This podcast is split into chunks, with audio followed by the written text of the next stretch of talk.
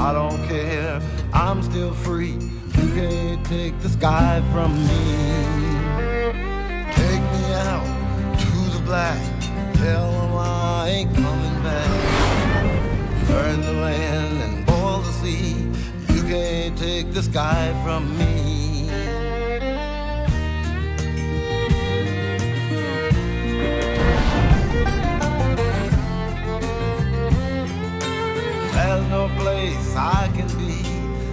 I found serenity.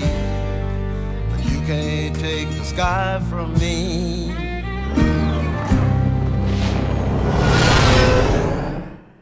Hej och välkomna till Firefly-podden.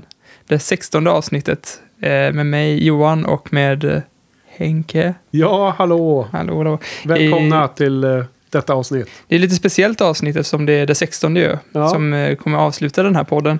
Sweet 16. Ja, och eh, tänkte kanske börja med att säga upplägget lite på Mm. hur vi lägger upp det. Vi eh, börjar med att avsluta liksom, tv-serierna Ja. med en liten topplista och lite snack kring ja, tv-serien helt enkelt.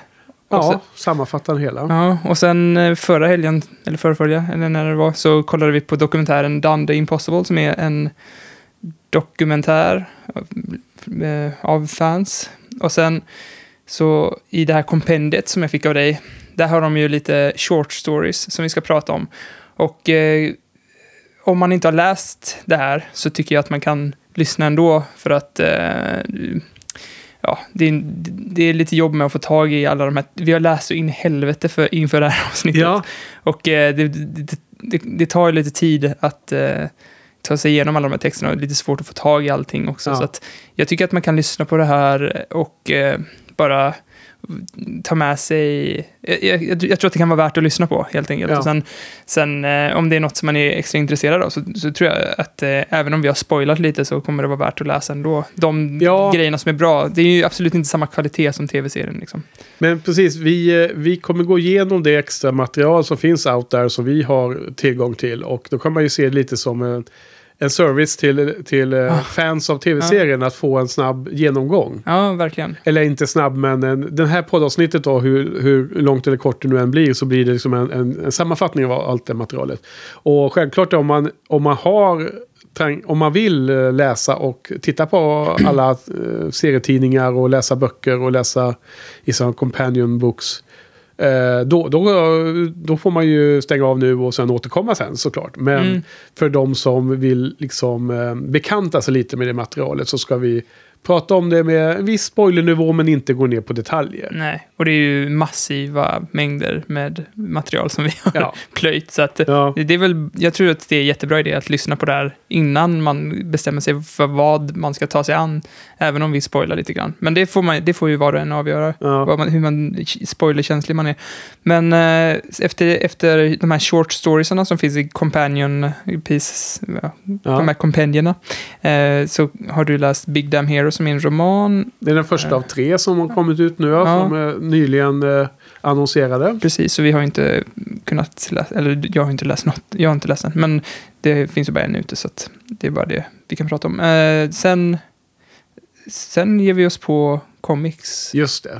och där, eh, har- jag har skrivit ner alla, men vi behöver inte rabbla upp alla, men det, där, där finns ju två, två samlingar framförallt. Ja, nu är de här Legacy Edition äh, samlas i två tjockare äh, sån här pocket eh, eh. Mm. Och eh, det finns fem huvudstories plus ett antal short stories i, i serietidningsvärlden. Mm. Och sen eh, har de ju börjat ge ut nya, så de här eh, samlingarna, de kallas ju Legacy och så har de börjat ge ut nya serier nu. Ja, Och de det är hade ju... ett nytt, bolag va, som har fått rättigheten. Ja, Ja, jag vet inte riktigt. Okej. Det kanske är så. Jag vet inte, det är, vad heter de, Pop någonting? så jag, jag, jag tror att det var Dark Horse som hade dem tidigare. Ah, så kan det nog vara ja.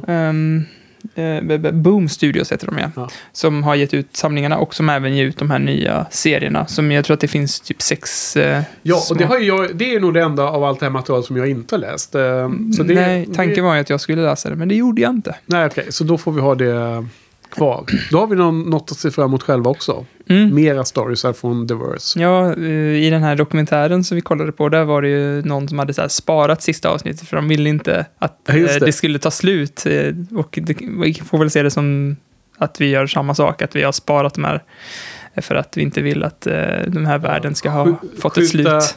Skjuta upp att se det sista, ja. Det, det är lite som när man är super, super trött och, och ska gå och lägga sig. Men sitter kvar en minut på sängkanten just för att vetskapen att man kan liksom luta sig ner och lägga sig precis när man vill. Liksom. Den lyxen. Att bara liksom hänga kvar i den känslan ett tag. Ja. Okej, det kanske var too much information. ja. Men du, ska vi börja med att av, avrunda tv-serien lite då? För nu har vi ju gått i mål i och med det här avsnittet. Det här är ju sista, sista episoden av Firefly-podden helt enkelt. Mm. Mm. Hur känns det då Johan? Eh, Det känns lite vemodigt, men det, jag tror det kändes ännu mer vemodigt att avsluta Buffy-podden. Ja, herregud. för- för Det var ju också- så mycket längre vi jobbade med det. Ja, och inte riktigt lika... In, alltså, man hade ju...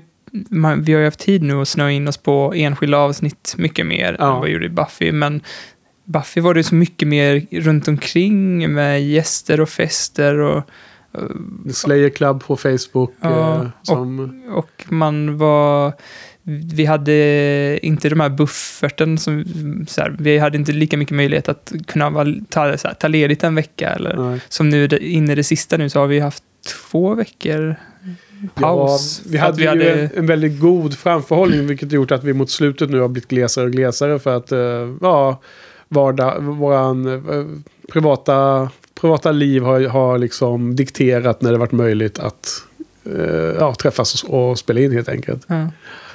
Ja, så det var en stor skillnad där. Det blev väldigt intensivt och vi körde ju under, vad är det, ett och ett halvt år eller vad det var vi kom fram till. Att det tog att köra Mm. hela Buffy.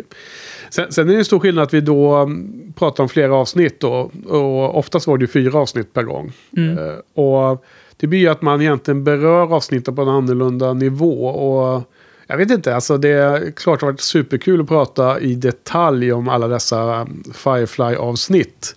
Men frågan är om vi har gått på för mycket i detalj. Jag vet inte, vad tror du? Hur känns det? Nej, det tycker jag inte. Nej, jag tycker nej. det har varit eh, alldeles lagom. Ja. Men det är väl, man är väl lagd åt det hållet att man gillar de här detaljerna också. Ja. Så jag tror att det hade gett mindre att eh, prata övergripande Ja. om serierna tror jag. Ja, nej, för att jag tycker för mig personligen så har det varit otroligt värdefullt. Man har liksom blivit, eh, precis som det blev med Buffy så blir man som, man umgås med serien i sitt eget huvud väldigt mycket under en Mm. intensiv period. Och det har ju verkligen eldats på av att eh, vara så här, eh, podda så här liksom Mm. noggrant om, om varje avsnitt. Och eh, det var också lite nödtvunget för att jag menar Buffy, hade vi kört ett avsnitt per gång då som, som vissa andra poddar gör. Mm. Då håller ju de ju på fortfarande och är liksom kommit halvvägs och sådär flera Mm. år senare. Det är, liksom, det är 144 avsnitt va, i Buffy.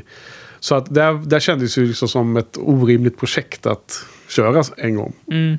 En, ett avsnitt per avsnitt. Men, och nu å andra sidan så har vi bara 14 avsnitt plus en, plus en film. Och då är det ju åt andra hållet. Att då har det varit helt orimligt att ta många avsnitt åt gången. Mm. För då är det ju bara en, två, tre, fyra poddavsnitt och så är det över liksom. Mm. Mm.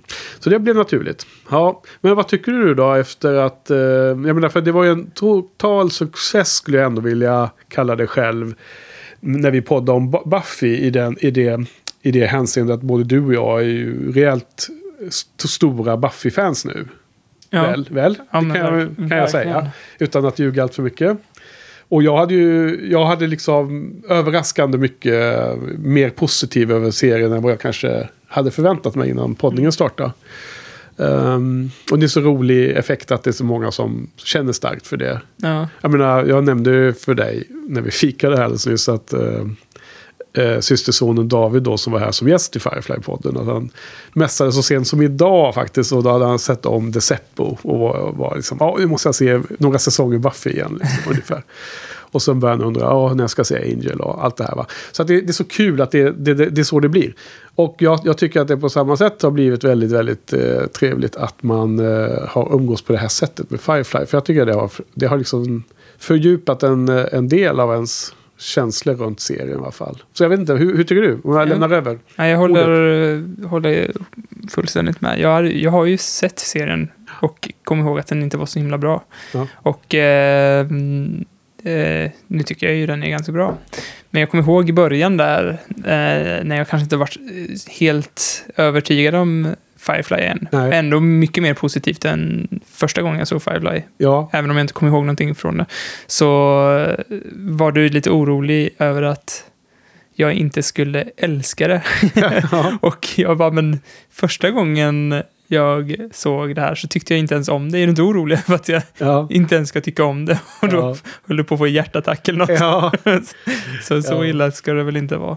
Nej, och sen så, ja, jag, hopp, jag, jag tror väl att det kanske är lite mer eh, glimten i ögat som den oron har, har framförts. Men, men det är ganska kul att om jag får, från mitt perspektiv, recensera lite om hur, hur du har uppskattat serien under podden. Mm. Det kan vara lite spännande här, lite... Recensera en recensent. Ja, precis. Nej, men, eh, mer reflektera över din eh, utveckling av vad du tycker om serien. Ja. Kanske jag stiger över eh, för, förbjudna linjer hit och dit. Men då får du hojta till och, och säga åt mig. eh, ta ner mig på jorden. Nej men alltså det är klart att jag kände väl i början att du var positivt inställd och helt eh, på G och laddad att ta- dig åt det här. Och sen så kände man ganska tidigt att det var ju nog inga problem att du skulle gilla att podda om det. Vi skulle liksom kunna gå i mål. Det kände jag ganska direkt att du hade ändå så pass... Eh, att du tyckte det var tillräckligt bra för att det var värt att, att spendera tid med. Ja. Men, men det var ju... Samtidigt så var det en stigande kurva skulle jag ändå vilja säga. Och någonstans runt ungefär hälften så började du säga att ja, men nu, nu har du liksom verkligen kommit in i det och tycker det är rejält bra. Eh, Lite parallellt med att du pratade ganska ofta om River och att du tyckte att hon var alldeles för eh, eh, tvådimensionellt. Det var liksom inte bra djup karaktär ännu. Mm. Det, det får man hålla med om. Det, det mesta som du har sagt under året, har jag, under säsongen, har jag ju hållit med om. För övrigt kan jag bara säga, kommentera direkt. Men att River, det var ju det här med att hon, bara, hon alltid vaknade upp skrikande och så var hon bara helt galen. Ja.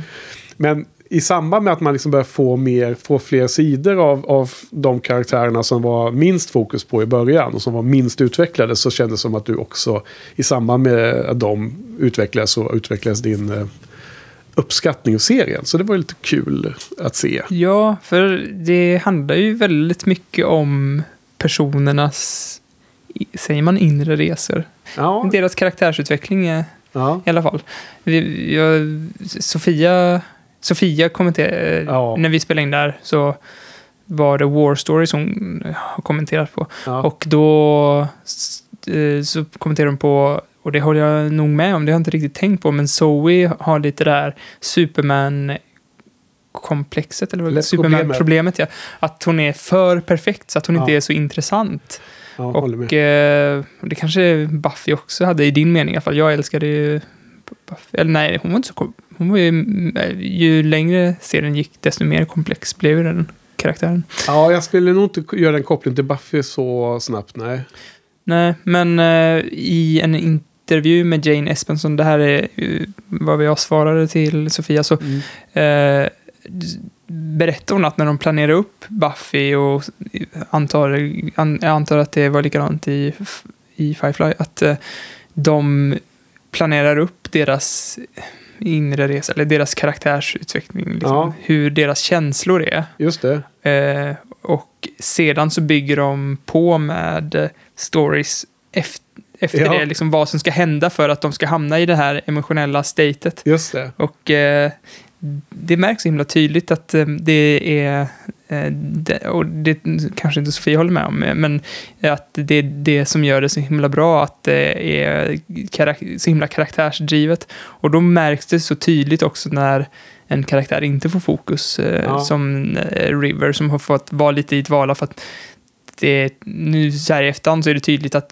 de skulle ge henne krut senare i serien och Ja, då har de typ väntat med att bygga Senare i säsongen eller till och med nästa säsong. Och så, Ja, ja, precis. För den här, hennes ark skulle vi utspela sig över minst två säsonger i alla fall. Ja.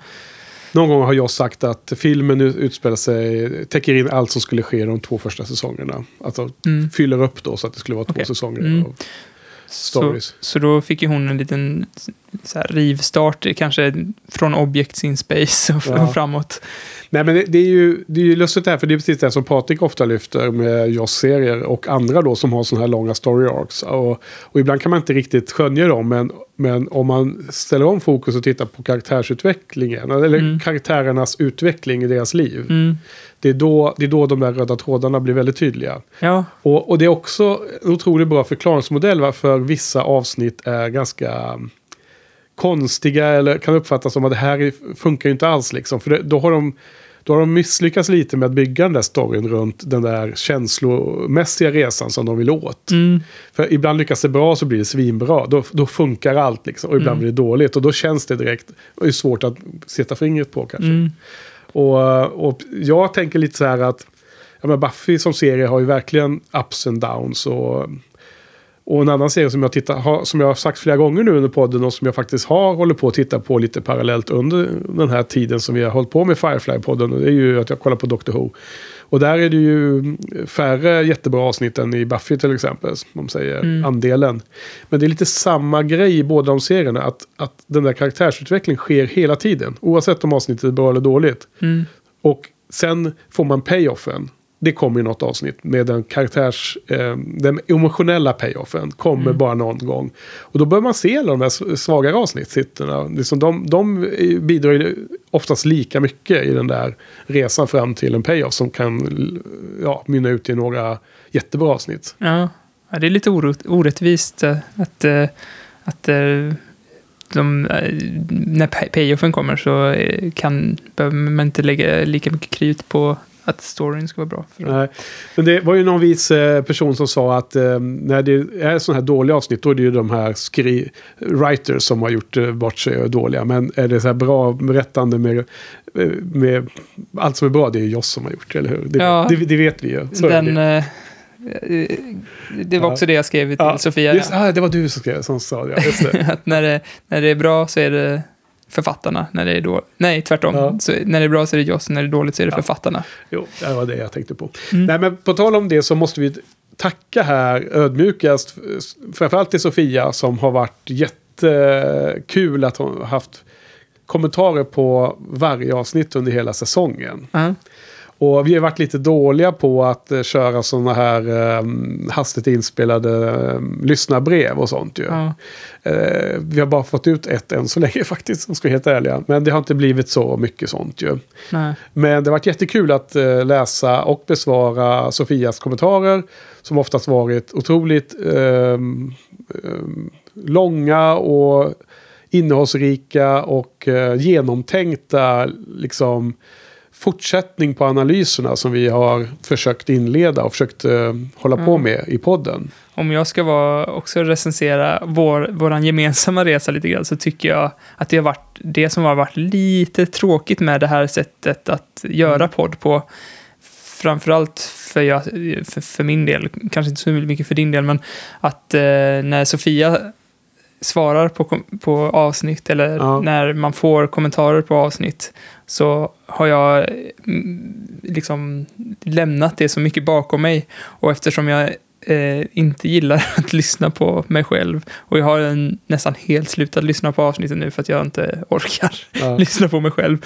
Och eh, då är man helt eh, utanför loopen, eller jag är det i alla fall, när eh, kommentarerna väl kommer in och jag kan ha svårt att eh, försätta mig i den, den eh, känslan. Eller, Det är svårt att komma in och kommentera i detaljnivån. Mm, jag kommer inte ihåg vad jag själv har från, sagt. Från Sofias kommentarer som kommer från att hon just lyssnar på det. Ja. Och du har, det var kanske många veckor sedan du såg avsnittet och poddade. ja, precis. Jag kommer inte ihåg vad jag själv tyckte, jag kommer inte ihåg vad du tyckte, Nej. jag kommer inte ihåg hur avsnittet eh, gick riktigt. Ja. Så att, eh, Nej, men jag, jag har ju varit inne kanske några fler gånger än dig och svarat. Och, men det beror ju på att dels har jag ju under den här säsongen klippt alla avsnitten. Så då har jag ju fått eh, repetera vad vi har sagt en gång. mm, Och eh, ibland har jag eh, har det gått bra med klippningen och ibland har jag varit lite slö och det har varit lite hassigt och kanske inte tajtat till det så mycket som man borde ha gjort. Men, men jag hoppas att avsnitten har gått eh, okej att lyssna på ändå i alla fall.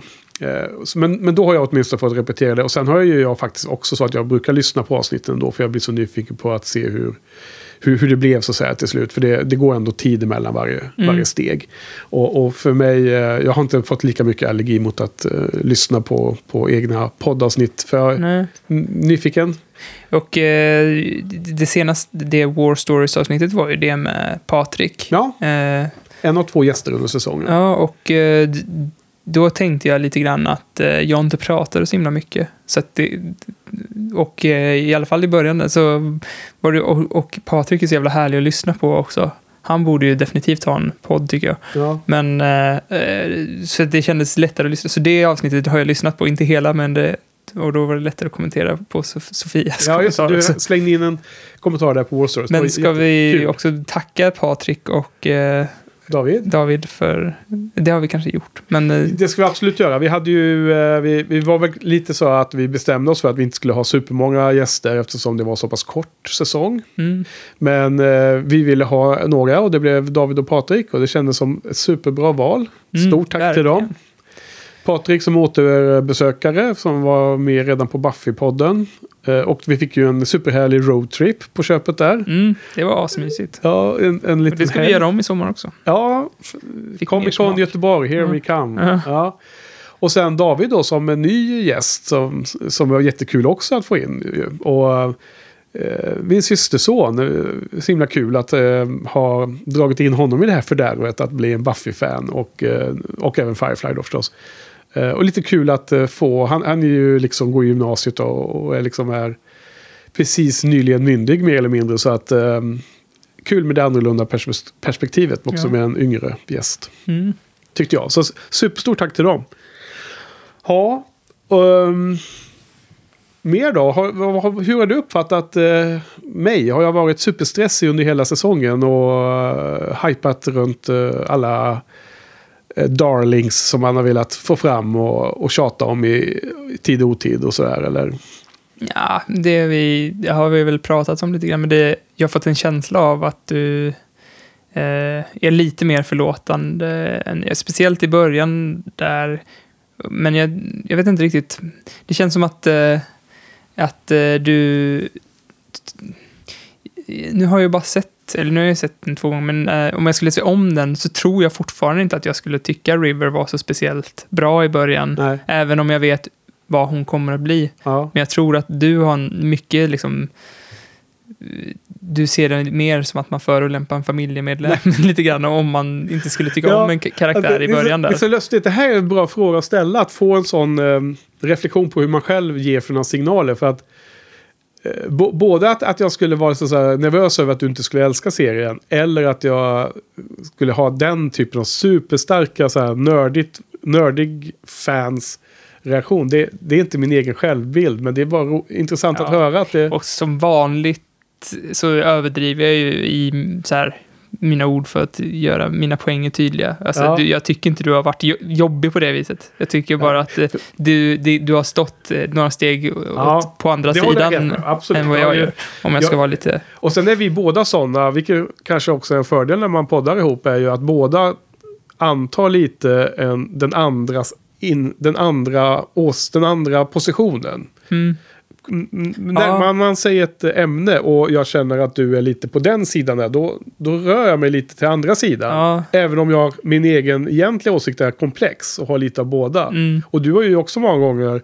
eh, eh, det har ju varit tydligt många gånger och jag tror att vi till och med har kommenterat det tidigare. Och det har jag märkt, det, det, så jobbar ju inte jag bara, bara i podden. Utan jag, det pratade vi om lite grann på fikat här innan också, att jag, vi pratade om Spiderman-filmerna. Och Ja. jag tyckte så här, tycker alla tre filmerna, alltså de första tre, Ja, de Eh, gamla. Med Sam Tobey. Raimi, ja precis, Ja. eh, att de är rätt okej liksom. Ja. Och eh, då, har Marcus, riktigt, då har Marcus mobbat mig jättemycket för att Ja. jag gillar är det tredje filmen där han Ja. blir emo och knäpper med fingrarna och dansar på gatan och sådär. Och då blir jag, helt plötsligt så älskar jag göra den filmen Ja, för, att, precis. för att han hatar den filmen. Mm. Och eh, jag tror att han hatar den lite mer för att jag gillar den. Och eh, Ja. ja, men det blir lätt så när man... Ja, och jag, jag, jag, jag känner att av någon konstig anledning så har hela den här poddsäsongen varit ett stressmoment för mig. Om Ja, jag ska vara helt ärlig. Inte, inte själva tiden vi lagt ner eller mm, klippning och sånt där jobb, utan själva situationen att sitta och prata om den här serien. Som man har gillat väldigt mycket ganska länge. Mm. Har känts eh, betungande på ett sätt som inte bara varit positivt. Och det är det ena jag känner. Men jag tycker ändå att det, det har varit otroligt kul och det har liksom öppnat upp nya insikter. Och du har... Jag menar som är superhärligt avsnitt när du eh, helt plötsligt bröt ner hela heist. Hela liksom vem lurade vem i heist-avsnittet Trash liksom var ju som en... Jag vet inte om du uppfattade det tydligt nog men liksom jag har aldrig, aldrig sett den vinkeln. Jag har aldrig förstått det. Någonsin. Nej, nej, men du förs- ja, ja, men jag märkte att du tyckte att det var Ja. bra att jag bröt ner det. Ja, och det, det var ju som en... Där, där förklarar du saker som jag inte ens visste fanns där. Och sen på samma sätt, oavsett om du kanske inte har brutit ner ett helt avsnitt på samma sätt varje gång, så har, har vi tvingat fram våra åsikter och tvingat fram att ta ställning till saker och ting. Mm. Gemensamt ibland. Och ibland på någons eh, uttalande eller någons åsikt. Tvinga fram en, an, min, min egen åsikt. Och det, hela den processen är ju det, det som är så häftigt att uppleva när man sitter och gör en sån här poddning. Eh, så det är det ena jag känner på om man blickar inåt. Men om jag, om jag skulle sätta mig i dina skor, om, om vi skulle göra en podd om Clerks 2 till exempel, Ja. då, då känner jag också så här att eh, jag inte skulle riktigt lita på vad, vad du tycker. Och sen, även om jag själv skulle förstå varför, att, att min liksom, känsla kring den här filmen är helt omotiverat eh, annorlunda än andras känsla kring Ja. den filmen. Så, så eh, det hade jag, jag vet inte, jag håller med om att det skulle varit nervöst om vi skulle podda om den till exempel. För Ja. att eh, det, jag kan tänka mig att jag skulle ha helt ologiska eh, kärleksband till den på något sätt. Ja, precis. Det kanske... Eh, jag bara tänker vidare här medan du eh, formulerar hur en sån känsla skulle kunna vara om vi skulle podda om den filmen. Men därför det andra jag skulle liksom bekänna här nu då, om vi ska vara liksom, eh, lite ärliga och personliga här i sista avsnittet.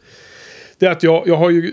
Jag känner själv att jag har varit väldigt dålig på att separera bilden av en karaktär, typ River, att följa de, karaktärens utveckling i takt med serien. Mm, Det varit väldigt svårt för mig att inte veta det jag vet om hela storyn. mm, Vilket gör att i vissa diskussioner så var det väldigt svårt att köpa en, en, synsätt från dig eller från någon annan. Till exempel So- Sofia med alla hennes härliga kommentarer har ibland eh, be, beaktat hu- hur, hur min eller våran sammanfattning av en karaktär har varit i ett avsnitt. För att hon är, hon är väldigt exakt så långt in i serien känns ja, det som. men också som det senaste avsnittet, eh, Ja. kommentaren skrev att hon ser det som att det är helt vattentäta skott mellan avsnitten också. Att det inte sker någon riktig... Ja men där har hon ju bara fel ju. Det skriver ju också.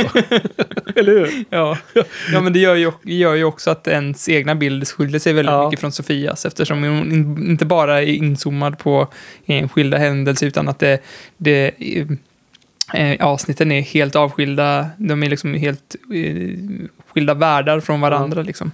Ja, ja, precis. För att, ja, det är en lustig kommentar också. Men, men vad jag tänkte på att liksom, hon, hennes kommentarer då som har blivit liksom så kopplat till varje avsnitt. Det varje gång så går det några dagar och sen så kommer de här så får man läsa och se vad var, hur, hur, lät, hur lät ens resonemang. Kan man få lite kvitto. Mm. Att hon, hon, hon går ju igenom de sakerna hon inte tycker hänger ihop eller stämmer och så med hur hon uppfattar saker och ting. Och då blir det som ett bra, bra test liksom. Vad är det som gick fram och, rätt och inte och så vidare. Och då känner jag nu i efterhand om jag försöker göra en sammanfattning för mig själv. Då känner jag att jag ganska ofta har liksom i mitt huvud har det nog varit en mer kom, komposit av alla intryck från hela serien, inklusive filmen till och med. Och det, då har det varit ganska dåligt jobb egentligen. Då, man borde varit bättre på att verkligen se River som den eh, outvecklade karaktär hon var i början och sen istället fokusera på när, när det händer saker mot slutet. Och så visar, visar ja, det kanske är så med Zoe och Wash eller vilka det nu är som kanske inte har varit lika eh, mycket fokus på under vissa delar av säsongen. Mm. Men jag menar, till exempel, eh, nu, nu är inte Sofia här och kan försvara sig, men jag hoppas verkligen att hon tycker att det är okej att vi, att vi kommenterar lite hennes eh, alla kommentarer. För det, de har varit en, en, en viktig del i hela den här eh, poddsäsongen, tycker jag i alla fall, för Mm, min del. verkligen. Och eh, jag tyckte det var väldigt roligt då när hon ganska tidig nivå bara konstaterade som ett absolut faktum utan, utan någon som helst mothugg från, från oss. Att eh, det där med att Jane skulle förråda Mal och eh, någon, liksom, jag kommer inte ihåg exakt vad hon skrev, men att, hon, att han skulle förråda dem, det var helt otänkbart. Så, så, så det var aldrig någon spänning för henne. Eh, och det, då när man sitter och har sett avsnittet Ariel så många gånger och, och vet att han gör just det. Eh, oavsett om nu Mal ville döda honom eller inte i slutet efter i sista scenen så har ändå Jane gjort en väldigt oförlåtlig eh, sak i, i avsnittet. Och då kommer jag ihåg att jag bara fick bita mig lite tungan för att inte skriva något liksom du vet så här blinka blinka. Man Nej, vet aldrig. Så här. Du är ju också sämst på att eh, hålla dig från, Ja. från sådana saker. Men det är kanske Men lite, jag bättre, höll mig den gången. ja, men Jag kanske lite ing- bättre i text. För att då Ja. är det så här, man måste tänka det, man måste skriva det och sen måste man trycka på Ja, sen-knappen. men exakt. när man pratar med dig, då finns ju inga spärrar. Nej, liksom. det är Då- då, då bara- dåligt. Och det, det, men det berör det här jag menar att det har haft svårt att inte avslöja. Ja. Och i Buffy-podden var det lite här med att, eh, så jag kommer ihåg att du kommenterade då som ett bra ex- exempel för de som var med på den tiden, att jag var lite så här eh, yv- Uber-hypad över Cordelia väldigt tidigt. Ja. Och du bara så här, varför pratar du om den där? Men, men det var ju bara charmigt och härligt egentligen. ja, ju. okej. För, eh, för, det, för det är ju, är ju lite spännande att någon är helt begeistrad i någon jätte... Random. Eller så här, ja, jätterandom så här, karaktär som mest är i bakgrunden. Liksom. Mm, ja, nej, så att, så att jag var nog rationellt sett eh, förstod, förstod att det här var något som man skulle försöka tänka på. Men jag har liksom inte riktigt landat i det ändå. Jag har inte riktigt haft en strategi eller plan inför poddningen. Utan då har bara liksom, vi har suttit och pratat om det här och då har du vet, alla tankar, allt, allt, allting har ju smält ihop till en enda story. Och just som du var inne på, det här som Jane Espensen beskrev, att det är den här karaktärernas eller personernas känslomässiga resa som Just är deras story. Och då, när man sett hela den resan då är den ju en och samma. Liksom. Och sen att då partitionera upp det i små, små element om 14 steg eh, Ja. blir ju lite svårt liksom, om Ja. man har helheten klar för sig. Ja, men verkligen. Så På, att, på tal om ja. Cordelia så har hon en podcast. Ja, Där hon pratade lite grann, eh, jag var tvungen att säga det, men hon pratade lite om, om Buffy och sådär. ja så det låter ju... Så att, men jag stängde av efter de hade pratat klart om Buffy. men, men Opposites 6 eller sånt där heter den. Hade, hade de så här bra kapitelindelning som man kunde leta fram där det handlar om olika saker? Nej, men eller? hon började att prata. De presenterade sig själva. Mm. I första avsnittet så började hon prata om sig själv. Och sen när han börjar prata om sig så säger, de, så säger han jag har inte lika spännande liv. Så då tänkte jag Nej, då lyssnar jag inte på dig. Så stängde jag av. Men alltså, så hon har det med någon snubbe då som man inte vet vem det är eller? Nej, precis. Hon Ja. träffade honom på Tinder typ. Och sen... eh, Och Eh. nej, är de som ett par? nej, nej. Annars hade det varit som du och jag Johan. Grinder. Men, så att de la, ner, de la ner det projektet att eh, vara ihop och sen startade de en podd Aha, istället och, som kompisar. Okej. Ja. Mm. Jag är som, vad heter hon? Charisma Carpenter. Exakt. Mm. Hon förklarar hur hon fick sitt namn och sådär. Det är ju Ja. roligt. Mm. Du, jag måste kolla upp den där. Det är ju kul att höra vad hon säger om Buffy i alla fall. Ska vi gå vidare? Eller? Ja, det ska vi göra. Eh, det, nu blir det så här långt igen. Ja, ja. Men vi det var, jag blev helt derailade mig själv. Förlåt. Men du, det här kommer vi till mitt, eh, min avdelning. Det är ju topp 5-listan. Listhänke. Listan. Eh, jag tycker det är kul ju. Och eh, här har vi 14 avsnitt. Mm. Eh, jag har inte ens beaktat filmen. Det är liksom en egen entitet va? Eh, Jag vet inte om du har gjort det. Eller? Filmen är inte med va? Nej, nej. Nej, nej. Mm, Eh, Den Då, är nummer tre. Nej. ja, då har vi, eh, då har vi sagt att vi skulle ha topp 5. Fast jag har ju misslyckats med det då. Så att eh, jag, jag, börjar med sjunde plats här nu då. Ja. Så ska vi stega upp varannat så då. Så får du Ja. haka på när du har något. Jag har ju listat alla. Jaha, du har alla? Du vill börja på nummer 14 redan? eller? Ja, men jag skrev ner alla och sen så flyttade jag runt dem. Så att jag kan också börja från... Ja, men då, då kör vi topp 7 då. Det blir lika bra. Annars får vi ändå bara prata om bubblare då. Sjunde plats, det är ju pilotavsnittet Serenity som är, som är dubbelt så långt då. då och Mhm. eh, tycker det så är eh, superbra eh, pilotavsnitt. Och eh, det enda man kan säga om det är ju... Eh, jag menar, vi har redan tjatat om alla avsnitt så himla länge nu då. Så det, vi behöver kanske inte gå igenom alla åsikter om det då. Men man ska säga någon sån här kär... Eh, sak om varje avsnitt så, så säger jag att det är så otroligt konstigt att inte Fox ville använda det som första avsnitt när de Mm. visade på tvn. Så sjunde plats, Serenity-piloten. Jag har Bushwhacked på... Wow. Alien-avsnittet där. Ja, det var... mm, Jag tyckte det var rätt mysigt. Jag gillar ju sk- skräck och det var ju lite Ja. referenser till skräckfilmer och sådär. Just det. En bra, eh, bra genomförd med den här stämningen som var ganska påtaglig tyckte jag. Ja, och jag gillar ju överhuvudtaget när man leker med genrer i tv-serier. Ja. Det är ju communitys stora grej. Just och det. det kändes som lite så här community-övning. Där. Det har du nämnt flera gånger under den Ja. här POG-säsongen. Så att det är verkligen... eh, Jo men det, det är en av de här eh, roliga, mysiga sakerna man återkommer till. Det, det får man ha. Ja. Sådana saker får man ha. Okej, ja, men vad spännande. Då var det inte helt samma listor. För jag har inte med Bushwack. Men alltså, du vet ju att jag tycker att alla avsnitt är ganska bra. Så det här är verkligen finlir. Sjätte plats är ett av Patriks favoritavsnitt som han nämnde när vi var nere i Göteborg och poddade med honom. Och det är Heist-avsnittet Trash. Eh, med eh, Saffron, Yolanda, Bridget, vad hette hon? Och eh, när de snodde den här pistolen och allting. Just det. Ja, och det är- var otroligt svårt. Alltså jag, jag, egentligen kanske det var högre upp nu när jag tittar igenom i år. Men jag har också avvägt lite hur jag alltid tidigare har rankat. Alltså, så här, gammal nostalgi måste ändå få sin lilla plats. Så, så jag har tittat lite på hur jag, hur jag tyck, tyckt under åren och inte bara just nu den här månaden. Liksom. Okej. Ja, det var min sjätte plats. Trash. Ja, min är lite sn- snarlik då. Ja. Eh, Ariel har jag. Okej, Det är också lite heist. eh, också heist. Ja. Ja. Men inte alls samma tonalitet med ett ganska humoristiskt och, och mysigt avsnitt så är Ariel mycket eh, kallare och blåare va? Ja, absolut. Men jag tycker fortfarande att det är roligt också. Ja, Vi pratade om det i Ariel, men det är absolut mm, kallare färger och sådär och lite...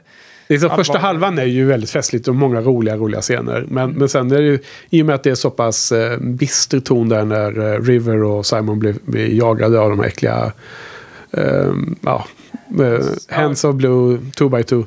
Så, så i alla fall i mitt huvud så sätter det tonen ganska mycket när man tänker på det avsnittet. Mm. Absolut. Det var också ett avsnitt som, jag, som faktiskt ramlade ut topp 7 nu den här gången. Mm. Och det är ju lite lustigt för det har ju en av hela seriens bästa scener då i slutet där mellan Jane och Mal. eh, Just det. Skulle jag vilja säga. Men det, det räckte inte för att komma in på topp 7 för mig. Mm. Mm. För, för den eh, scenen älskar vi ju båda va? Ja, verkligen. Ja. Är det kanske... Är det den bästa i... Ja, jag skulle vilja säga att det är den bästa som inte berör Mal och Inara för mig. Om man säger så då. Och jag är en sucker för deras relation. Ja. Ja. Ja, du satt och kollade på massa fan-videos på YouTube när jag kom hit. Ja, för, ja, vi, vi kommer till det när vi, när vi sen ska prata lite som kortast om den fan, eh, f- fanfilmen uh, Dundee Impossible. Men där, ja, vi får komma till det då. Vi får inte glömma att prata om att eh, när man ser de här mest nördiga fansen och sen inser att man själv inte är långt därifrån, då, då känns det jobbigt. Eller hur? Den Ja. awkward känslan. Okej, nu kommer vi in på den riktiga topp 5. Och då är det ett eh, avsnitt som eh, heter Our Mrs Reynolds. Eh, som jag tycker är så roligt och kul på många sätt och vis. Ja. Eh, det är plats fem. Humorn och Saffrons introduktion där. Ja, så jävla Badass. skumt avsnitt. Eh, Ja, är det skumt? Vadå? Förklara. eh, jag- Ska jag avslöja att den är med på min lista också? Eller? Det- är inte så vi jobbar va? Ja, om du vill eller inte. Ja, men det, det känns som att man vill prata om det här. Kan, Ja. kan jag bara säga vilken Ja, ja. plats det är? Ja. För jag tog den som nummer ett faktiskt. Jaha. För jag vet inte riktigt, jag har inte lagt jättemycket tid på att göra den här listan, men det, Den det var ju, bättre för det här, då blir det en kul en eh, gut feeling-lista. Så det Ja. är bara bra. Men för eh, första gången, eller första gången var det ju inte jag som jag såg den, men du visade ju den för oss eh, efter en spelkväll. Ja. Och, för jag pratade om det jättemycket, men då tyckte jag inte den var så bra. Och Nej. sen så när man såg den i kontext med att du har sett avsnitten tidigare, Ja. så blev den så himla rolig för att man förstod relationerna och sådär mycket bättre. Så att, eh, det, det är sånt avsnitt som är speciellt på Ja. det viset att man har sett det på två helt olika vis. Absolut, ja men då får du den här personliga eh, relationen till det som, som betyder något eh, extra. Och det, jag köper det 100%. Det, det är sådana skäl som gör att avsnitten kommer högt upp på min lista också tror jag. Mm. Mm. Ja. Din eh, plats fem då? Det är The Message med han... Jaha. eh, 13 Ghost. If you can't walk. ja. Find someone. Ja, ja Ja. men fasen vad lustigt. Okej. Jag har inte heller med The Message på min lista. Nej. Så du har lyckats nu med tre i rad. Så, Okej, vad, är det, vad är det som du fångas av i det då? jag vet inte riktigt. Det, det var bara gut feeling också. Mm. Det Ett avsnitt som jag tyckte om. Ja, men det räcker ju långt. eh, Jag tänkte Men det känns verkligen som vi har så här ställt oss på olika sidor i varje avsnitt. Alltså Mm. det här är ett avsnitt som jag gillar och ett avsnitt som inte tyckte det var lika bra. ja. Även om man gillar alla avsnitt såklart, som sagt. ja, jag börjar ju bli förvånad. Ökande förvåning. För då betyder ju att fler och fler av de som är på min lista är inte med på din. Varje Ja. gång du väljer någon som... Du nämner någon som inte jag har med. Ja. Så att det blir ju, blir ju jättespännande att höra vilka, vilka som saknas. Ehm, fjärde plats då ska jag... Om vi var klara där. Mm. Ja, det är ju War Stories. Eh, för mig eh, denna gång. Den, jag fick en jättestark reaktion om du kommer ihåg det.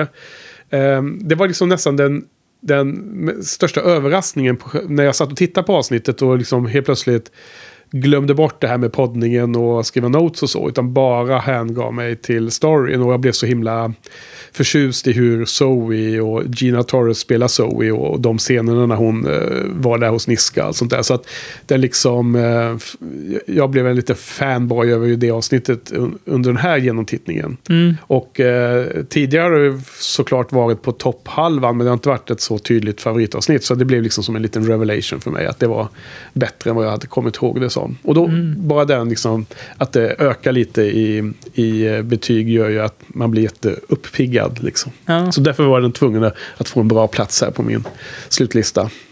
ja, den var inte li- riktigt lika högt upp. Nej, Men- Nej men jag, det, jag kommer ihåg, för det var ju det vi, som vi just nämnde när vi var hos Ja. Patrik. Och då hade jag ju fem av fem på den, bara för att jag var så himla pepp på den här tittningen. Och, Ja. och du hamnade ju på tre av fem. Så att, Mm. det förstår jag, att den inte var topp. Eh, vill du att jag ska dra min fyra? Eller? Ja. Eh, det är The Train Job, den andra piloten.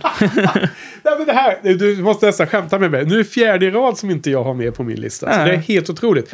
Och, om vi inte redan visste att du hade Mrs. Reynolds som överlapp så skulle det kunna bli 7-7 ju. ja, och där är också lite heistig, eh, Ja. heistigt avsnitt. Och, och det är ju den piloten som Fox valde. Ja. Så du är på Fox sida då, kanske? Ja, verkligen. Ja. Okej, så Train Job. Den var allting. Action, humor och en lite gladare mäl. Var det den, det avsnittet när man ser Firefly, när det är så här, det börjar med ett bar brawl och, så, och man Ja. får se Firefly komma upp där i. Absolut. Det är så en jäkla mäktig bild ju. Det är Independence Day. eh, de- Mal är på någon bar för han vill slåss med. Ja, och de spelar Kina-schack eller vad det. Ja, och eh, Wash kommer där och, och talar i högtalaren och säger blow a, new crater in this little moon. Och så här. Ja, Ja, absolut, det är en, det är en häftig inledning. ja. Ja. Ja, det, är, det är coolt att man kunde göra sådana mäktiga Mm. Scener på, i en tv-serie på den tiden. Ja, ja.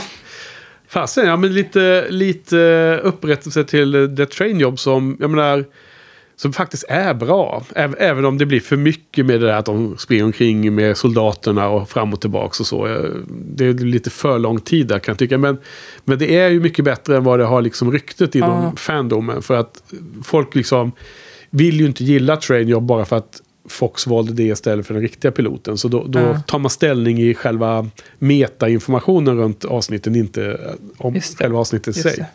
Nej, men, ja, men jag håller med. Det är lite mycket springa runt på tåget-scener. Ja, men, Mm. men eh, som sagt, det är mycket bättre än vad, vad, det liksom, vad man kom ihåg det som när man var sådär insnöad på att tycka som alla andra. Ja, det var fjärde, men det blir mer och mer spännande att se vad du har på topp tre. Ja. Min trea är i alla fall Janestown. På grund Mhm. av humorn och på grund av den massor med olika lustiga eh, parrelationer. Alltså de här paren som inte är kärlekspar utan de här eh, som har klumpats ihop. Till exempel Book och River. Mm. Och till exempel eh, ja, Simon och Kaylee är i och för sig eh, romantiskt par. Men de är också att de har massor med... Du vet, det händer massor roliga grejer där. Och Mm. Kaylee blir irriterad på honom och så. Ja, det är massor med roliga grejer i det avsnittet som jag verkligen njuter av nu för tiden och ser det. Eh, också ett avsnitt som har vuxit med den här poddningen. Mm. Ja, jag, jag tror också, jag kommer inte ihåg det, men det känns som att det, det också, avsnittet växte hos mig också när vi pratade om det. Och man snöade in på lite detaljer och sådär. Det, ja, det var Ja. bra. Eh, ska jag ta min trea? Ja, det ska du. Eh, Objects in Space. Ja, Det, det kanske skulle vara min etta egentligen. ja det efter. kan mycket väl stämma. För det känns som att jag...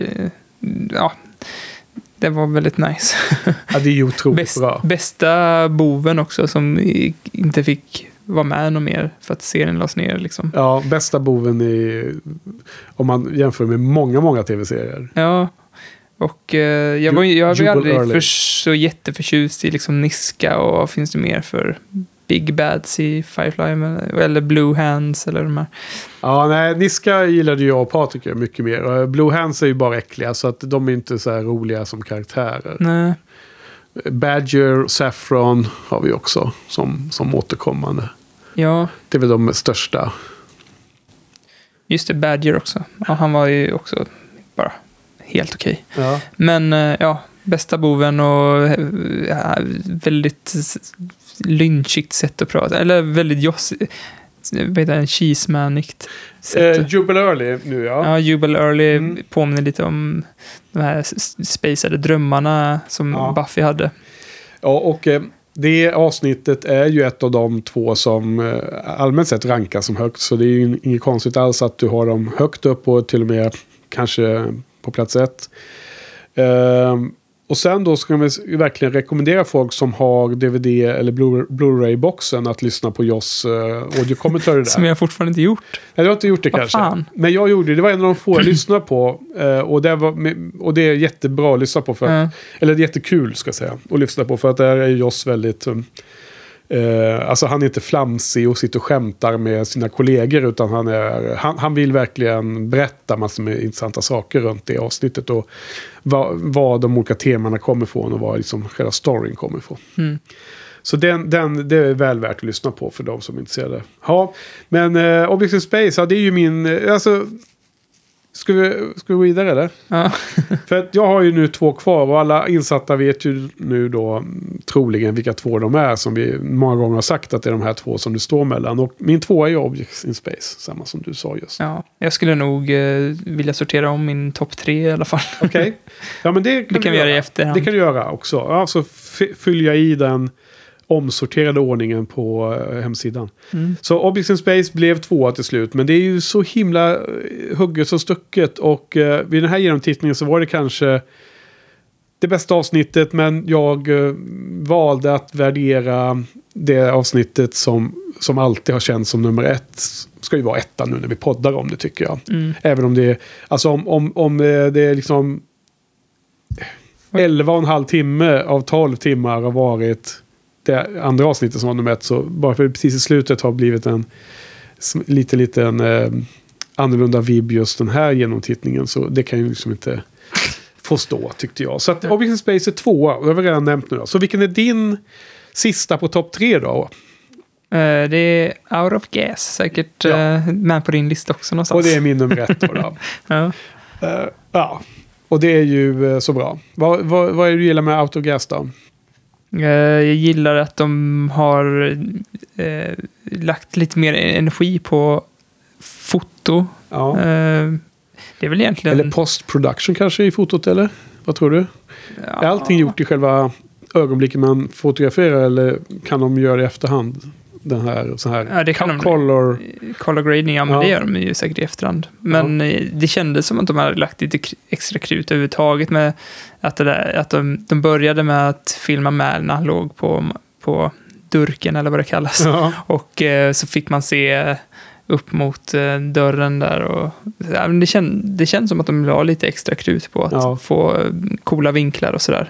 Att det inte var så mycket dokusåpa utan det var mer Ja, rikt, det fanns riktig en- film. Det finns Liksom. en eh, artistisk ambition. Ja, och lite mer filmisk känsla än det här The Office-känslan som Ja. är lite mer resten av avsnitten. Ja, Eh, på ett bra sätt då, Mm. eh, såklart. Det kanske låter illa att säga för Office, The Office är ju inte så himla roligt filmat kanske. Men ja, ja. Nej, men det är ju kul att du eh, har in Space och och- Out of Gas och Objects in Space så högt upp. Vilken, vilken ordning blir det när du skyfflar om här nu då? Hur ser det ut framför dig nu? nu ser det ut som så att det är Our Mr. Reynolds, Out of Gas och Object in Space. Jag skulle nog bara vilja byta plats på Our Mr. Reynolds och Object in Space. Och, så att Object in Space först och sen Out of Gas och sen Ja. Our Mr. Reynolds. Ja, precis. Och då, då börjar du närma dig den ordningen som jag alltid har haft. Då. Mm, Our Mrs. Reynolds har jag alltid haft som det roligaste humoristiska avsntet. Och Ja. precis under de här två bästa. Så då börjar vi bli alignade på den absoluta toppen i alla fall. Eh, Men det var ju otroligt roligt att du på plats eh, fyra och neråt hade eh, helt andra val än vad jag hade. Nej men jag tycker Autogas är ju så himla häftigt gjort och så himla otroligt spännande berättat med de här tidslinjerna och att de klipper hela tiden. Efter när dialogen nämner någonting klipper man till något annat. Eller när de går in i ett rum så klipper man till att, att någon går in i det rummet i en annan tids, tidslinje. Och hela den där övningen tycker jag är... Alltså det är... Det är en eh, ambitionsnivå som är mycket högre än typ alla avsnitt utan eventuellt Objects in Space. Som har en hög ambitionsnivå eftersom det är bara utspelar sig på ett psykologiskt plan i Objects in Space. Mm. Man, man liksom tar hela storyn in i huvudet på River och in i huvudet på Jubal Early, mer eller mindre. Medan i, i Out of Gas så tar man hela storyn i tids, tidsaspekten. Och sen har de kopplat in det till origin story till alla som är på skeppet när serien börjar. Alla de som Just. redan är där. Ja. Och, och de super mysigt att se de här.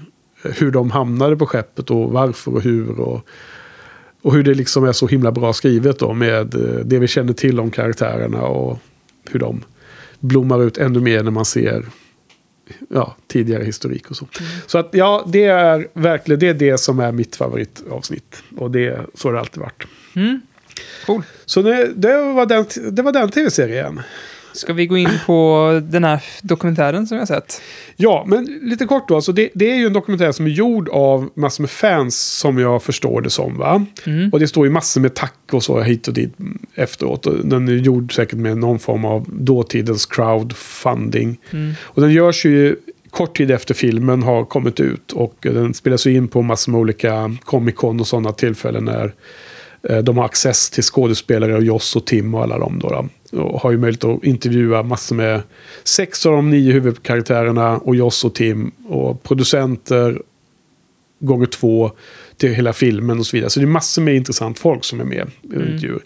Och, men det är ju liksom en dokumentär om fandomen. Det är om det faktum att fansen kämpade på efter tv-serien lades ner och blev belönade med en långfilm till slut. Då. Så det handlar ju om tiden mellan år 2002 och 2005 Ja. och allt som hände där då med Ja. fans.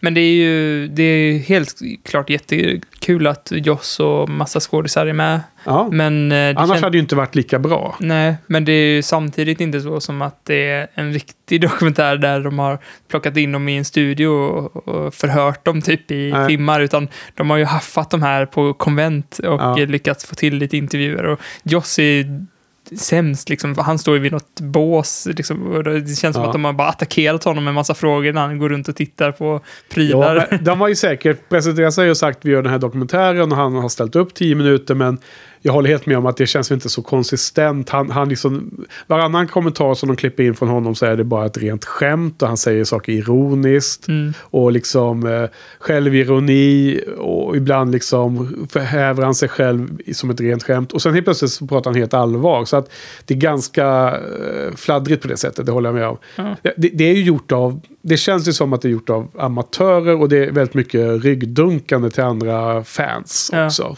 Och hela inledningen är så sjukt dålig, eller vad man ska säga. Man kan arkivera det under skärm också, men att typ alla fans som de eh, har intervjuat har fått säga sitt namn och det är liksom bara hur lång tid som helst där folk bara säger sitt namn så här, och så Ja. ibland så klipper de in någon kändis och sen bara fan, fan, fan, fan. Ja, Och typ- det, och det deras ju- namn. ändå- ja. Så står så här, istället för yrke eller vad man nu skriver i dokumentärer, så här, under namnet så har de skrivit så här, in, internet handle. Ja.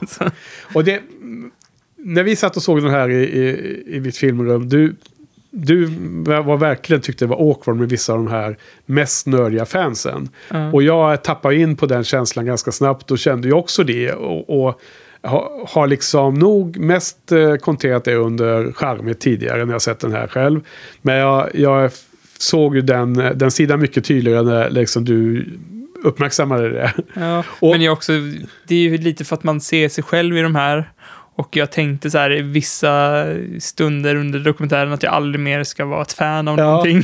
Ja, exakt. Och det var det jag skulle komma till. Att det är precis det man då känner direkt. Är så att hur nära är man själv i detta? Och vissa av dem är ju så himla lustiga. Och de är ju way off. Liksom, deras beskrivningar av olika saker i deras relation till den här serien och filmen och hur de har reagerat på olika sätt och vis.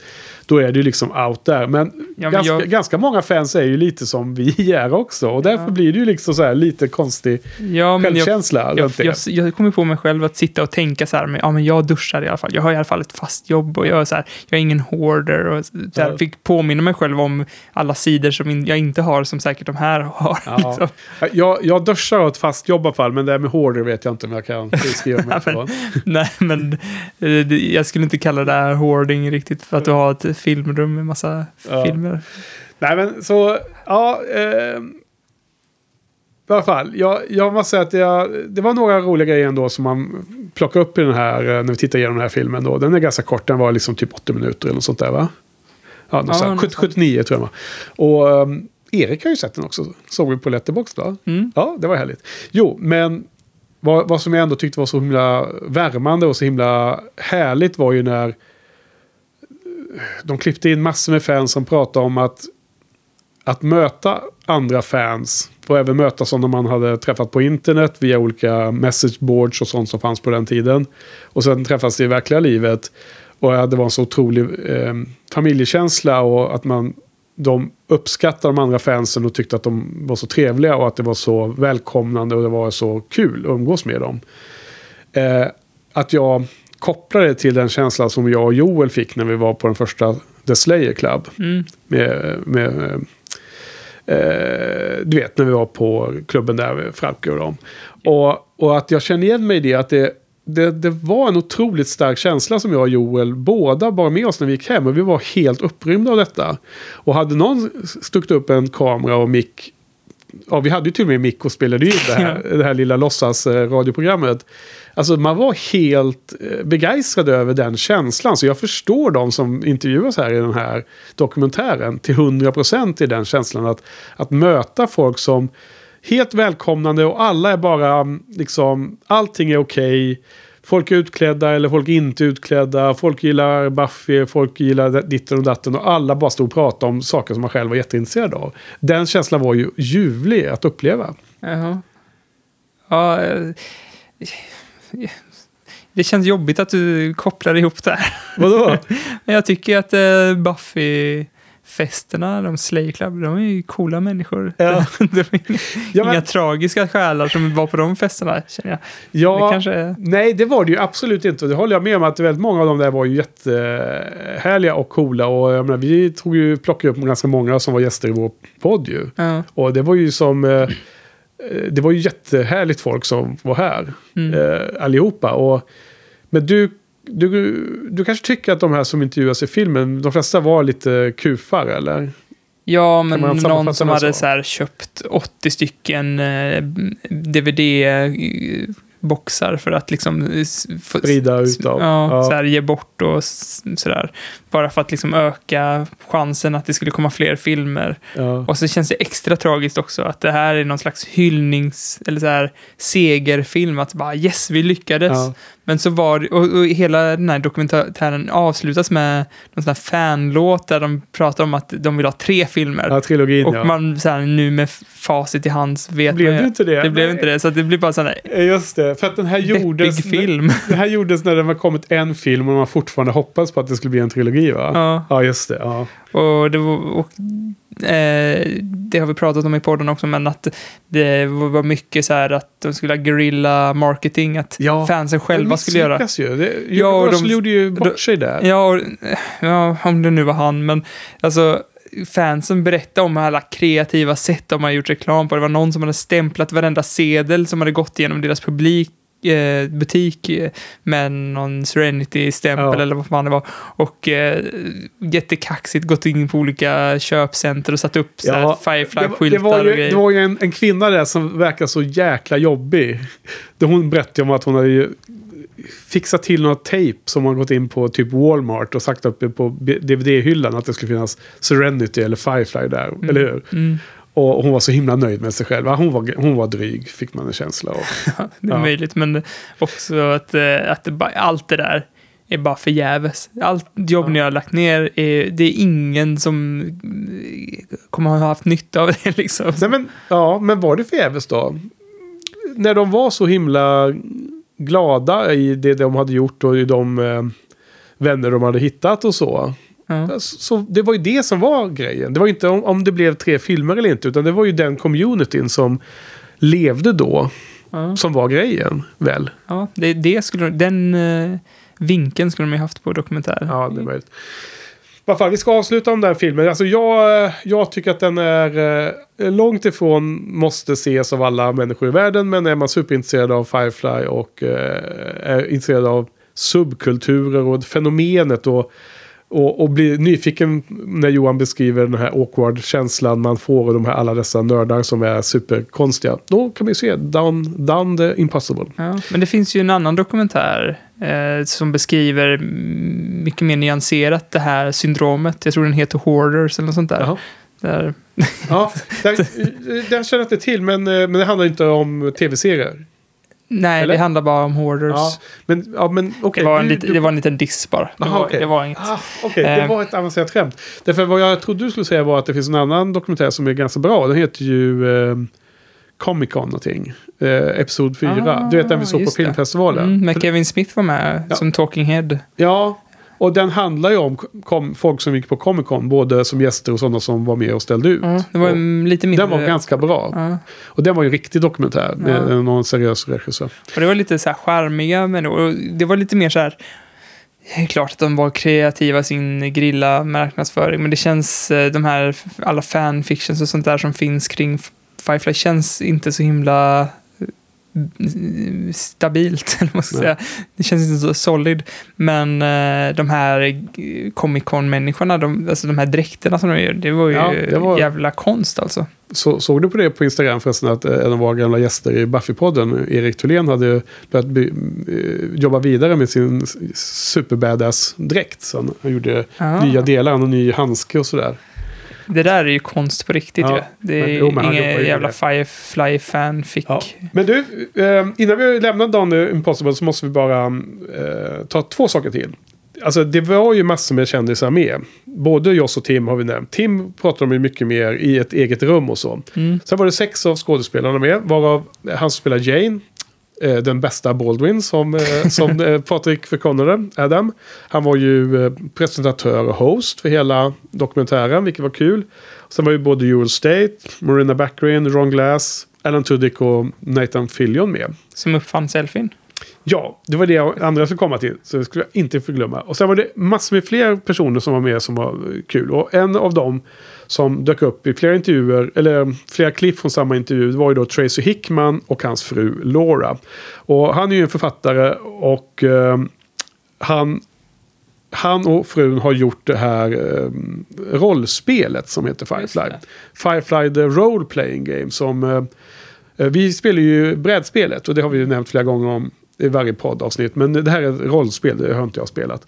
Eh, men, så han är ju inne i den, eh, han har ju någon liten eh, skärva av Firefly-världen liksom, i och med att han har gjort den.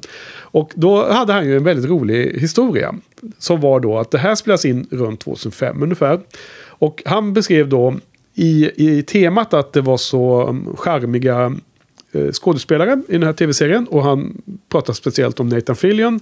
Och hur generös och charmig han var. Och hur Uh, han beskrev då Tracy Hickman och hur han och hans fru hade träffat Nathan Fillian Och Laura, frun, var väldigt förtjust i Nathan. Och de hade pratat och han var så trevlig Nathan och hit och dit. Och sen så hade de frågat om de kunde få ett foto. Och då hade och sen beskriver han helt plötsligt hur en selfie går, går till. Helt omedveten om selfies. Ja. Han beskrev hur Nathan Fillion fick ihop dem, stå närmare, stå så. Och hur han liksom sträckte ut armen och höll den här kameran. Och då är det ju inte en mobilkamera, utan då är det ju en stor kamera. Ja. Förstår man ju.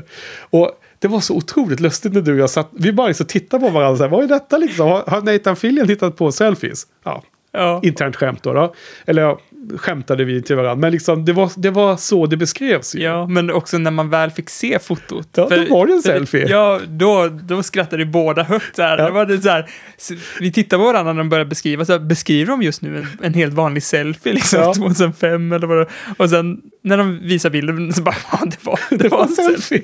Som Ja. att det var den värsta innovativa bilden som har tagits. Ja, och liksom Tracy Hickman tyckte att det var så otroligt charmigt att den här kända skådisen då gjorde det med dem och så. Och det är väl också mysigt. Men, men nu då när liksom var, alla kändisar åker på att göra selfies med folk hela tiden ju. Ja. Hur jävla jobbigt det måste vara. Ja, nu är det ju jättevanligt Ja. med kändisar. Det är det enda de gör, ta selfies. Ja. Men eh, också, på tal om kändisar, så var ju två kändisar som inte var så kända då, var väl med. Ja, som, som du eh, såg direkt och jag kände inte ens igen. Ja. Ja, den andra kände du igen, men inte jag. precis. Och den du kände igen var, För James Gunn, Ja. som eh, var känd för Slither då. just det, som Nathan Fillion har varit med i. Så att det var ju Ja. den kopplingen då. Mm. Men du känner igen honom för att han är ju nu mycket mer känd som, Guardians of the Galaxy-killen. just det, Men eh, som också... regissör av första och andra och tredje kommer. Ja, ja Någon för han fick det jobbet också. Ja. Han blev ju portad för att han hade dragit opassande skämt när han var yngre. Alltså vad, vad känsligt det har blivit i Hollywood om man ändå ska vara lite... Men ändå så jävla härligt att de eh, backade tillbaka och insåg eh, att de hade... Ja, det kanske är att det, pendeln börjar svänga ner mot något neutral igen. Ja, det, kän, det känns så jävla skönt ändå. Att man inte kan dra igång sådana internetdrev och liksom få igenom det. Ja. Det var ju, vad hette han nu igen då? James Gunn. James Gunn. Jag, jag har ju så dålig koll på honom. Jag kände absolut inte igen honom. Men du tog honom klockrent direkt. Ja, men när jag var lite yngre så kollade... Jag är absolut ingen fan av de här typen av filmerna, men typ när man har förfest eller efterfest eller fest överhuvudtaget så, så, och även morgonen efter när man beställer pizza Ja. så var det alltid traumafilmer. Ja. Och jag, tyckte det var, jag tycker fortfarande det är så jävla Eh, tråkigt. vad, vad, vad är det nu igen då? det är så här slasher-filmer Ja. som ska vara lite roliga. Okej, okej. Och han gjorde ju traumafilmer från Ja. början. Och det märks ju typ lite på hans stil. Både i Guardians of the Galaxy, är men framförallt Super tror jag det märks tydligast. Slither har jag ju inte sett, men... Nej men Slither såg jag bara för att jag gillade Nathan Fillion. Och den var ganska bra som sån här eh, äck, äckelfilm. Eh, Såna äckliga mons, små snigelmonster som då är äckliga liksom. Ja, men han är lite nog- äcklig, Det är James Gunn. lite komedi, lite horror, lite action. Och så här liksom. Lite blandat av allting. Mm. Mm.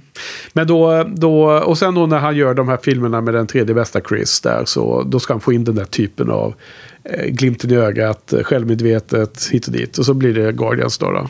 Mm. Mm, Okej. Ja, och den andra som var med, som han eh, var med där då, var ju någon, eh, jag kommer inte ihåg vad hon heter, men hon är i alla fall en av de kvinnliga skådisarna i det amerikanska The Office, som du för övrigt nämnde alldeles nyss. Mm. Så hon var där, och henne kände jag igen, men jag kommer inte ihåg vad hon hette då. Hon var med på den. Okej, men nog om det. Det var Dunder Impossible. Mm. Ska, nu ska vi gå vidare lite Johan. Eh, bara nämna lite kort om boken. Den första boken, eh, romanen av tre annonserade, den heter Big Damn Hero. Den, Nancy Holder som har varit med och skrivit massor med material i, i Firefly-universat. Hon har, vad fasen hon har gjort nu då? Hon har, ah, hon har gjort någonting i alla fall. Jag känner igen namnet. Hon har liksom hittat på storyn. Och sen är det någon snubbe som heter James Lovegrave som har skrivit boken.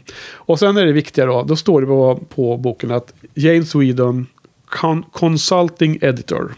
James.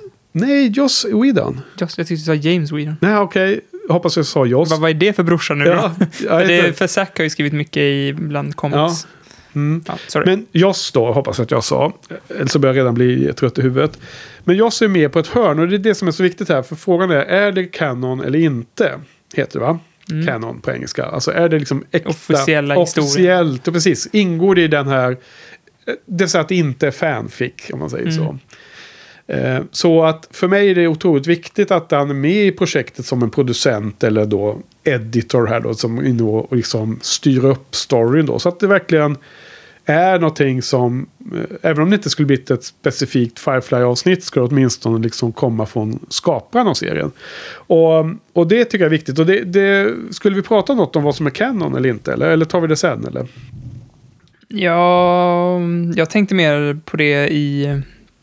När vi kommer till short stories. men vi- jag har ju inte vi- läst ro- romanen. Nej, men vi kommer till det alldeles strax. Jag, ska, jag vill bara lite kort säga att boken var helt okej. Eh, andra halvan var mycket bättre än första. Det blev mer och mer spännande och blev mer och mer så här en, en bladvändare.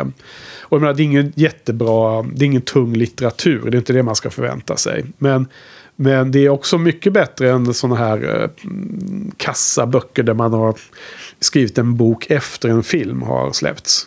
Ska man bara liksom översätta den till bokform. Liksom Mm. Det är det sämsta Ja. i, i den här världen av eh, fantasy och science fiction. bok. Men den finns ju som efter filmen Serenity. Där någon har fått jobbet att skriva Serenity-filmen som en bok. Okej. Och då får du ju mer kött på benen. Men det, är liksom, det blir ju inget bra. Liksom. Mm. Det, det kommer från fel håll då. Men det här är ju bättre än det. Men det är ju som inte... Det vinner ju inga, kommer inte vinna några litterära priser.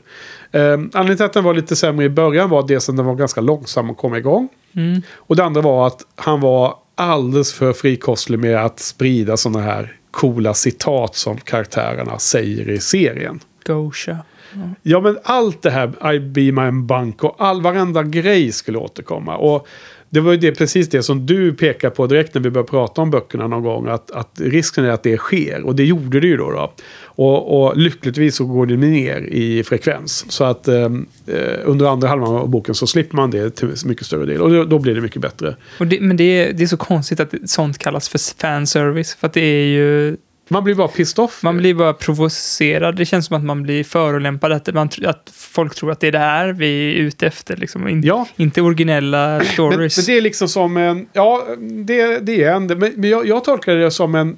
en, en eh, att, man inte, att han författaren inte var tillräckligt säker på sig själv att kunna sälja in storyn på egna ben. Utan han vill hela tiden ha små krokar till fansen. Ja. För att han inte vågar lita på sin egen story. Mm. Och, och om det hade varit så att det kommer helt organiskt. Så att då hade det varit helt okej för mig. Och mer sällan och med att det verkligen kommer helt naturligt i en dialog eller i en handling. Men när man känner att han nästan konstruerar eh, meningarna efter att det ska kunna sluta med det här kända citatet. Då blir man jätteirriterad. Mm. Och det var lite åt det hållet. Eh, storyn är på en hög nivå utan att avslöja eh, slutet eller vad som händer och så. Men det är att Firefly, vad säger jag, Serenity-skeppet är nere hos Badger och de får en jättefarlig eh, last som de ska frakta. Som är då en, en, eh, explosivt medel som är så instabilt. Så att man måste frakta det väldigt fort för att eh, det, det liksom... Det måste förvaras på ett speciellt sätt så att det inte exploderar. Men under frakten så är det liksom risk då. då. Mm.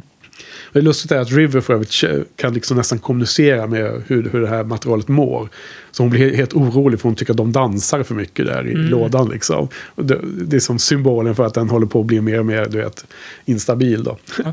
Men, men precis när de ska ge sig iväg på den här farliga frakten så blir Mal kidnappad. Och eh, det är väldigt lustigt här att då är det ju gamla browncoats som, är, som har fått för sig att han är en förrädare. Är det samma browncoats som är med i serietidningarna? Ja, Är det det? Alltså jag kommer inte ihåg, hette de Dust Devils eller sånt där i serietidningen? Det fanns Dust Devils och sen fanns det Freedom... Eh, Peacemakers. Peacemakers, ja. Ja, jag tror inte att någon av de två nämndes, men det var ungefär som de här Dust Devils beskrevs. Nämligen att de var mer brottslingar och terrorister. För Peacemakers beskrivs väl som terrorister Ja. rent av. Ja, men, De säger precis, ordet terrorister Alla var någon liknande. Ja. Alla, det, det lustiga var så här att i tv-serien så beskrivs ju Browncoat som de goda. De, som stod för friheten och var Ja. emot det fascistiska, liksom, hårda styret från någon slags regering i mitten. Men i, i både serietidningarna och i den här boken nu med så liksom har man ut, vidareutvecklat att vissa delar av, av Browncoats-styrkorna efter kriget blev eh, brottslingar istället. Mm. Marodörer. Extremister. Ex- ja, i det här fallet så var de ju brottslingar fast mer på det sättet att de åkte omkring och kidnappade folk för att eh, avrätta dem. För att de eh, tänkte sig att de var förrädare. och eh, det som är intressant i den här eh, storyn är då att han blir, Mel blir ju kidnappad igen. Men också att det är en, en eh, barndomsvän som ligger bakom detta. Och att man via flashbacks får följa Mal när han växer upp på Shadow väldigt mycket. Så det är det som är lite kul med den här boken. Mm. Och jag skulle vilja hävda att man kan få en ganska gedigen förklaring i varför Mal har så otroligt svårt att committa sig till ett, en relation. Typ med Nara då. Mm. Sen varför hon inte kan committa sig tillbaks, det får hennes backstory visa. Mm. I kanske någon framtida eh, comics. Mm. Men eh, var Mals eh, själsliv kommer ifrån tror jag formas mycket på Shadow. Och det är jättespännande. Så den, den kan rekommenderas för de som är supernördiga fans i det här. Mm. You're not gonna see this coming. Okej, men eh, hör du Johan. Eh, nu visar det sig att det här sista avsnittet som vi spelar in just nu eh, det blir ju väldigt långt. Så att vi ska dela upp det här i två delar. Ja. Långt och stressat blev det mot slutet. Ja, i, eh, det, det blev för långt. Ja. Så det räckte inte med ett enda sista avsnitt för uh, Wrap It Up och eh, alla serietidningarna och allt möjligt. Så att vi gör ett litet avbrott här och sen uh, återkommer vi med andra halvan av den här inspelningen i nästa vecka. Mm. Vad säger du om det? Det låter väl som en bra idé kanske. Ja. Mm. Okej, på återhörande om en vecka då. Ja. Tack Johan. Tack Henke. Tack Jos. Tack för oss.